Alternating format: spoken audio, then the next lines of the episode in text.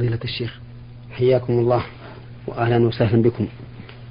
على بركة الله نبدأ هذه الحلقة برسالة المستمع الشوقي محمد أبو سعد وقد عرضنا بعضا من أسئلته في حلقة ماضية. يقول أرجو من فضيلة الشيخ توجيه كلمة لأولئك الذين يعتقدون بأن إقامة المآتم شيء ضروري ومهم بالنسبة للميت مع العلم بأن هذا الشيء يأخذ مجال التسابق في من يأتي بقارئ أحسن ويأخذ مال أكثر. نرجو بهذا نصيحة. الحمد لله رب العالمين وأصلي وأسلم على نبينا محمد وعلى آله وأصحابه أجمعين. أما بعد فإن النصيحة التي أوجهها إلى من ابتلوا بهذه العادات المخالفة لما كان عليه النبي صلى الله عليه وسلم وأصحابه نصيحتي إليهم أن يعلموا علم اليقين أن الاجتماع على هذه المآتم من الأمور البدعية التي لم تكن معروفة في عهد النبي صلى الله عليه وسلم وأصحابه ويعلموا أن رسول الله صلى الله عليه وسلم قال كل بدعة ضلالة وكل ضلالة في النار. ويعلم أيضا أن هذه المآتم إذا اشتملت على ندب ونياحة كان الاجتماع عليها من كبائر الذنوب لأن النياحة من الكبائر. فقد ثبت عن النبي صلى الله عليه وسلم أنه لا أنه لعن النائحة والمستمعة. وقال النائحة إذا لم تتب قبل موتها تقام يوم القيامة وعليها سربال من قطران ودرع من جرب والعياذ بالله. ومن وافقها على نياحتها واستمع إليها كان له من الإثم مثل ما كان لها. قال الله تعالى وقد نزل عليكم في الكتاب أن إذا سمعتم آيات الله يكفر بها ويستهزأ بها فلا تقعدوا معهم حتى يخوضوا في حديث غيره. إنكم إذا مثلهم. يعني إن قعدتم معهم فأنتم مثلهم. إن الله جامع المنافقين والكافرين في جهنم جميعا. وليعلم هؤلاء أن الميت لا ينتفع من ذلك بشيء. وذلك أن القارئ الذي يجلبونه إلى هذا المكان لا يقرأ إلا بأجرة. وإذا كان لا يقرأ إلا بأجرة فإنه لا أجر له من ثواب الآخرة حيث أراد بعمله هذا الدنيا. ومن أراد بعمله الدنيا لم يكن له من ثوابه إلا ما إلا ما حصله في دنياه. وما حصله في دنياه لا يصل إلى الميت. يقول الله تعالى من كان يريد الحياة الدنيا وزينتها نوفي إليهم أعمالهم فيها وهم فيها لا يبخسون. أولئك الذين ليس لهم في الآخرة إلا النار. وحبط ما صنعوا فيها وباطل ما كانوا يعملون.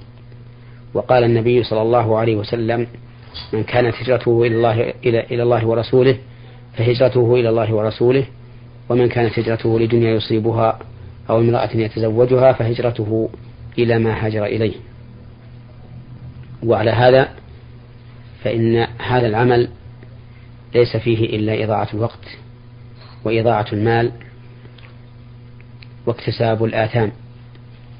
فنصيحتي لإخواني الذين أصيبوا بمصيبة ميتهم أن يفعلوا ما أرشد الله إليه ورسوله في قوله تعالى وبشر الصابرين الذين إذا أصابتهم مصيبة قالوا إنا لله وإنا إليه راجعون فيقول إنا لله وإنا إليه راجعون ويقول اللهم أجرني في مصيبتي وأخلف لي خيرا منها فإنه إذا قال ذلك آجره الله في مصيبته وأخلف له خيرا منها.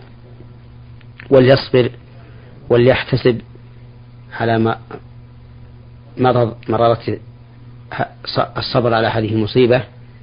فإن الله يقول اصبروا إن الله مع الصابرين. ويقول جل ذكره إنما يوفى الصابرون أجرهم بغير حساب.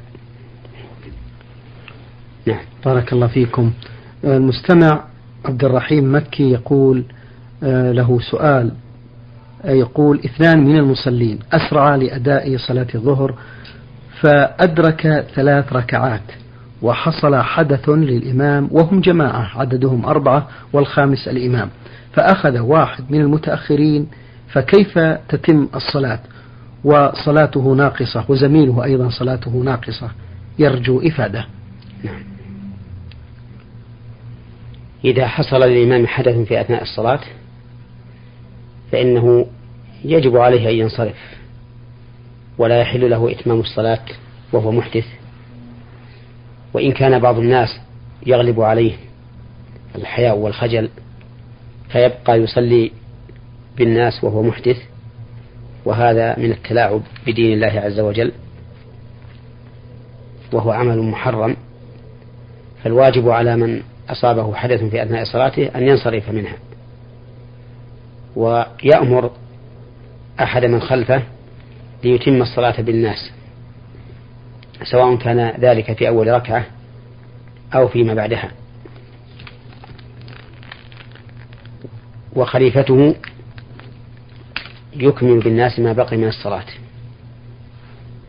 وينبغي أن لا يستخلف إلا من كان معه من أول الصلاة حتى لا يحصل التشويش. فإن استخلف مسبوقا من الذين خلفه فإن هذا المسبوق يكمل حسب ما عليه من الركعات. والجماعة الذين كانوا قد أدركوا الإمام الأول من أول الصلاة إذا قام إمامهم أو إذا قام الخليفة إلى قضاء إلى إكمال صلاته فإنهم لا يتابعونه في هذه الحال لأنهم قد أتموا صلاتهم ولكنهم يجلسون ينتظرونه ويسلمون معه. هذا هو حكم المسألة. نعم. بارك الله فيكم شيخ محمد. الحقيقة أمامي رسالة ألحها المستمع أو المرسل لهذه الرسالة بأن أعرضها على فضيلتكم. يقول الشيخ محمد هناك ممن ينتسبون إلى العلم يفتي بدون دليل. الحقيقة المستمع من جمهورية مصر العربية رمز لاسمه بميم لام ميم. يقول هناك ممن ينتسبون إلى العلم يفتي بدون دليل فإن طولب بالدليل غضب وثار وقال هل أفني عمري في البحث عن الأدلة؟ ومن العجب أنه علم تلاميذه ومريديه عبارة غريبة فحواها بأن العالم لا يسأل عن الدليل ما الحكم في مقولة هذا الذي ينتسب إلى العلم؟ آه، وما الحكم أيضا في فتواه بدون دليل غضبه من طلب الدليل؟ وما الحكم في مقولة تلاميذه ومريديه من أن العالم لا يسأل عن الدليل. ثم ما الحكم في استفتاء من حاله كهذا؟ أفيدونا في هذا الأمر الخطير. جزاكم الله عنا خير الجزاء على أن تكون الإجابة مشفوعة بالأدلة. الحقيقة أن ما ذكره السائل قد يوجد من بعض الناس ولا سيما من كان أكبر همه أن يكون ذا جاه بين العامة. فإن من الناس من يفتي سواء كانت فتواه مستدنة إلى دليل أم كانت فتواه مجرد تقليد لمن يعظمه من من العلماء السابقين أو اللاحقين. وقد ذكر ابن عبد البر رحمه الله إجماع العلماء على أن المقلد لا يعد من من العلماء لأن المقلد ليس إلا نسخة كتاب من مذهب من يقلده وليس من العلماء في شيء. ولهذا أرى أن التقليد لا يجوز إلا عند الضرورة وقد شبه الشيخ الإسلام ابن تيمية رحمه الله التقليد بأكل الميتة. يجوز عند الضرورة وأما مع القدرة على الدليل فإن التقليد لا يجوز. وهذا مفهوم من قوله تعالى فاسألوا أهل الذكر إن كنتم لا تعلمون أما حال هذا الرجل الذي إذا طلب منه الدليل غضب وقال كيف أفني عمري بطلب الدليل فإن هذا يدل على جهله وعلى جهالته أيضا لأن الإنسان العالم ينبغي له أن يفرح إذا طلب منه السائل الدليل لأن طلب السائل للدليل إذا لم يكن المقصود به الإعنات والإشقاق يدل على محبة هذا السائل لكونه يبني عقيدته أو قوله أو عمله على أساس من كتاب الله وسنة رسوله صلى الله عليه وسلم ليعبد الله تعالى على بصيرة. فإن الحقيقة أن العلم معرفة الهدى بدليله. والإنسان سوف يسأل يوم القيامة ماذا أجاب المرسلين؟ كما قال الله تعالى ويوم يناديهم فيقول ماذا أجبتم المرسلين؟ وليس يقال له ماذا أجبت فلانا أو فلانا من الناس سوى الرسل عليهم الصلاة والسلام. ونصيحتي لهذا العالم أن يتقي الله تعالى في نفسه وأن لا يفتي إلا بدليل من الكتاب والسنة. اللهم إلا عند الضرورة. وأن يحرص تلاميذه على طلب الدليل من كتاب الله وسنة رسوله صلى الله عليه وسلم ويمرنهم عليه وعلى استنباط الأحكام من أدلتها حتى ينفع الله به. ونحن جربنا بأنفسنا فأحيانا تمر بنا المسألة نطلبها فيما عندنا من كتب أهل العلم فلا نجد لها حكما.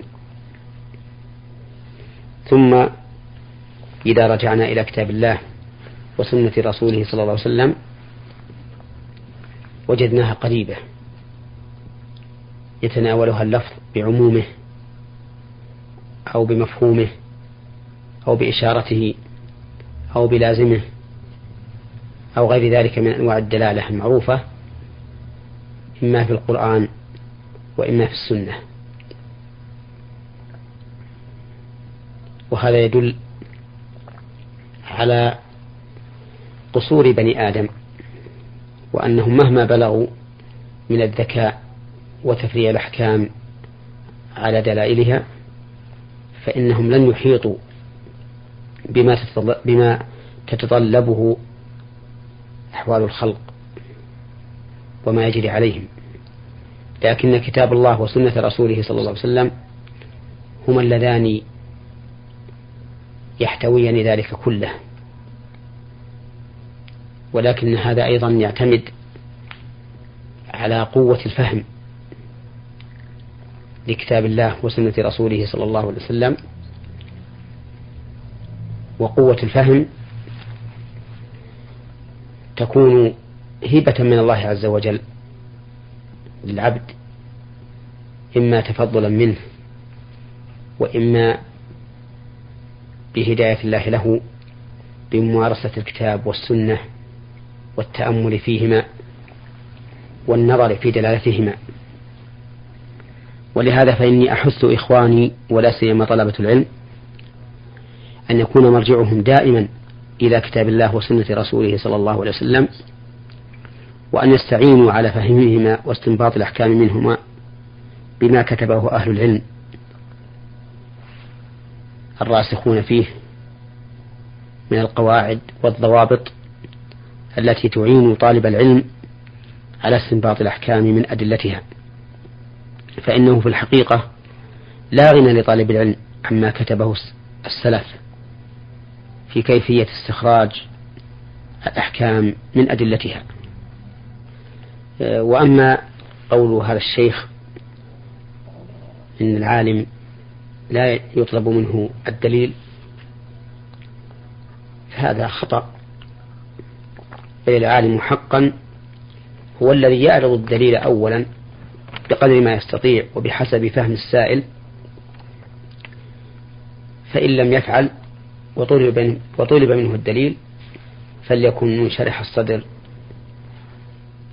منشرح الصدر في سؤال أو في طلب الدليل وليأتي بالدليل.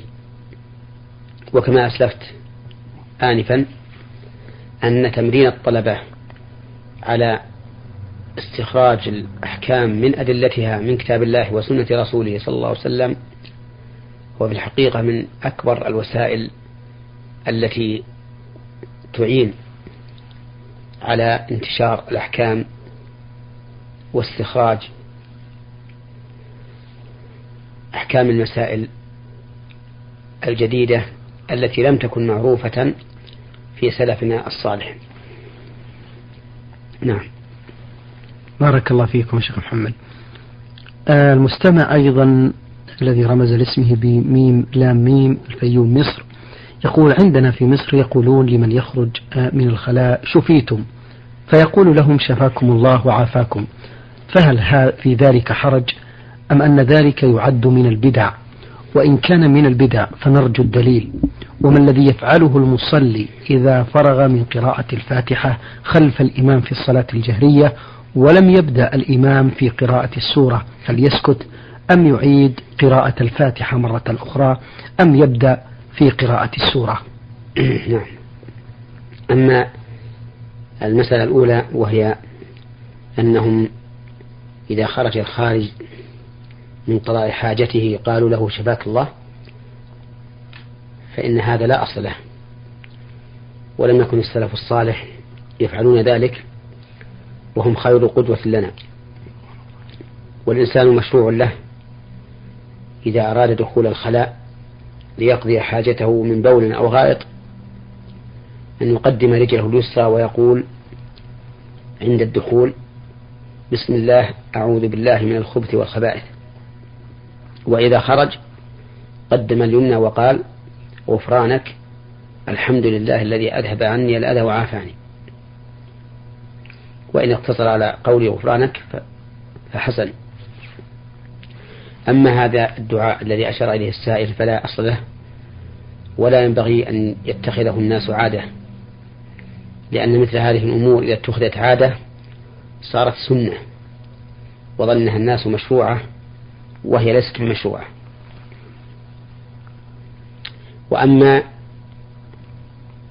المسألة الثانية وهي إذا سكت الإمام بعد قراءة الفاتحة ثم قرأها المأموم قبل أن يشرع الإمام بقراءة السورة فماذا يصنع المأموم بعد قراءته الفاتحة؟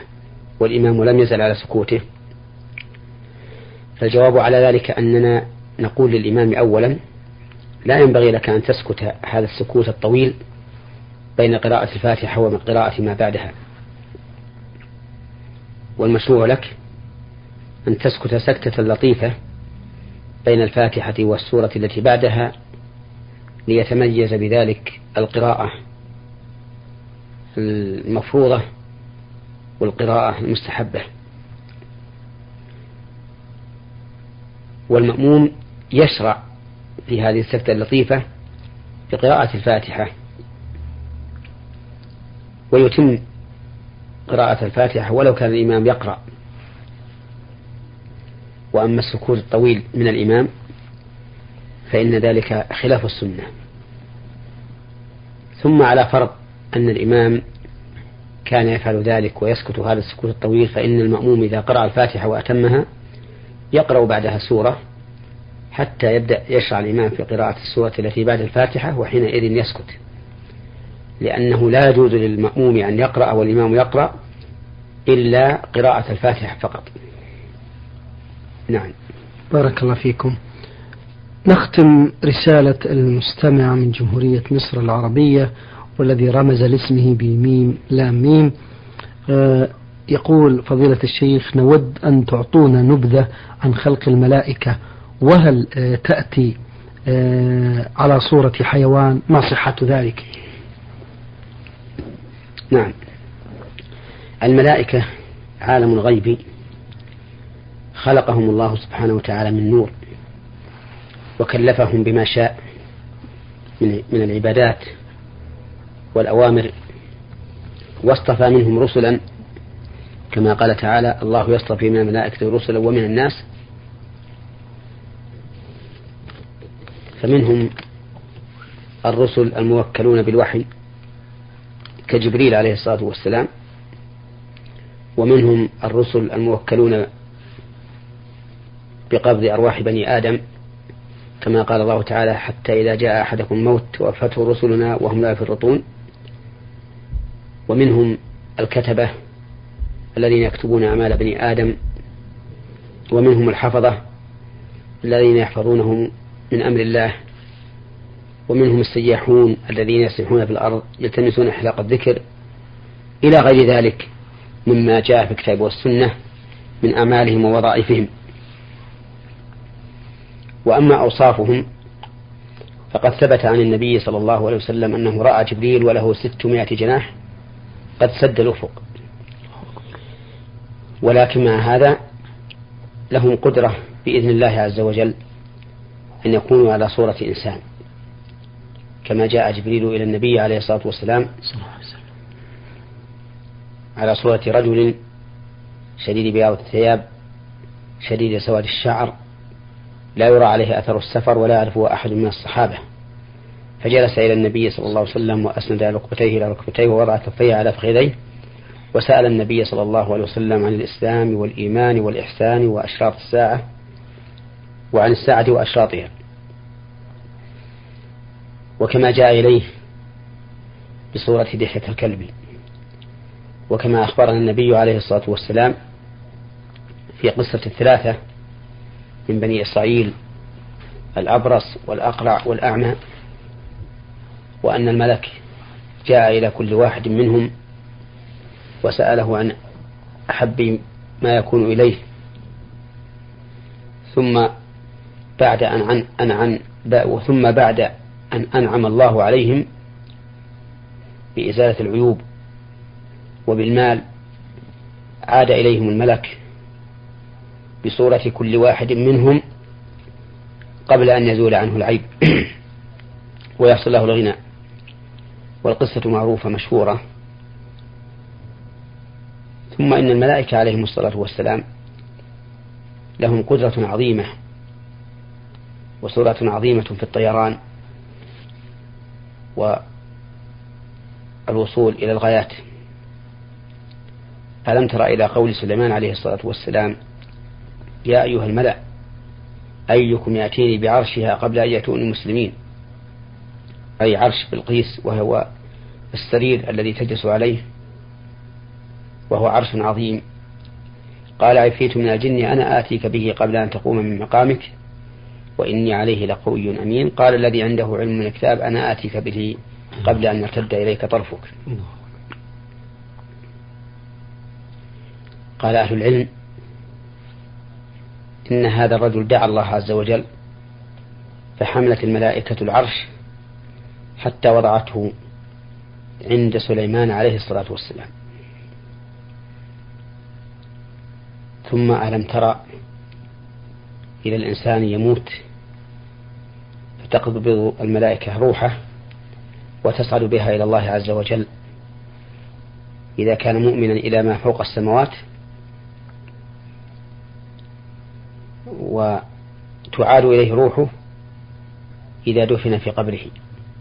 وكل هذا يدل على أن الملائكة عليهم الصلاة والسلام لهم قوة عظيمة وسرعة عظيمة.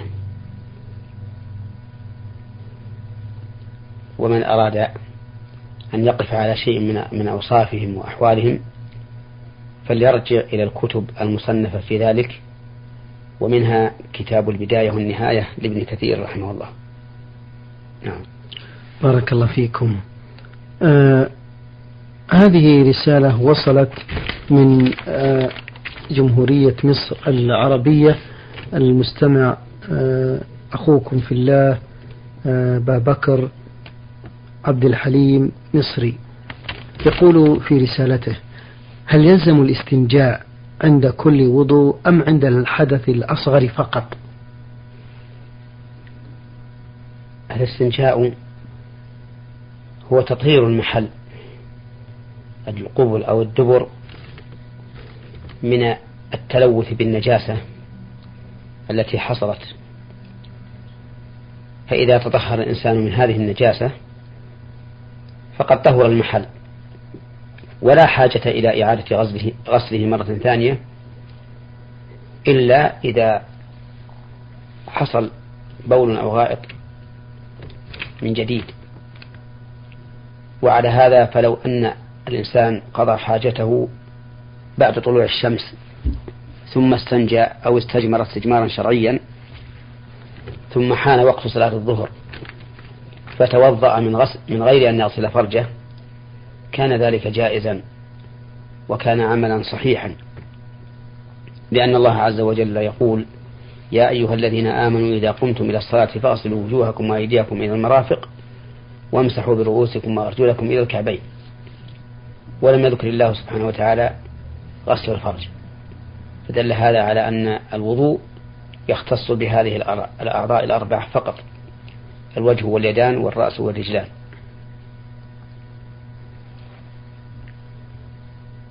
وأما غسل الفرج فإنه لسبب وهو تلوث المحل بالنجاسة. فإذا طهر المحل من هذه النجاسة لم يحتج إلى إعادة تطهيره مرة أخرى إلا بنجاسة جديدة. نعم. آه السؤال الثاني يقول فيه المستمع ما الحكم في المسح على الجوارب أثناء الوضوء وخصوصا عندما يكون الإنسان في عمل أجير عند الغير؟ المسح على الجوارب سنة. إذا لبسها الإنسان على طهارة ولم يحصل عليه غسل وكان ذلك في المدة المحددة شرعا وهي يوم وليلة المقيم وثلاثة أيام بلياليها المسافر فإذا كان على الإنسان جوارب لبسها على طهارة فإنه يمسحها بدلا عن غسل الرجلين لكن في المدة المحددة فقط وهي يوم وليلة للمقيم وثلاثة أيام وليلها للمسافر وفي الحدث الأصغر فقط. وإذا تمت المدة مدة المسح والإنسان على طهارة فإن طهارته باقية. لا تنتقض بتمام المدة لأن النبي صلى الله عليه وسلم إنما وقت المسح ولم يوقت الطهارة. لكنه لا يمسح بعد تمام المدة لأن ما خرج عن الحد الشرعي فهو مردود على فاعله. قال النبي عليه الصلاة والسلام من عمل عملا ليس عليه أمرنا فهو رد. نعم. أخوتنا المستمعين الكرام كان لقاؤنا مع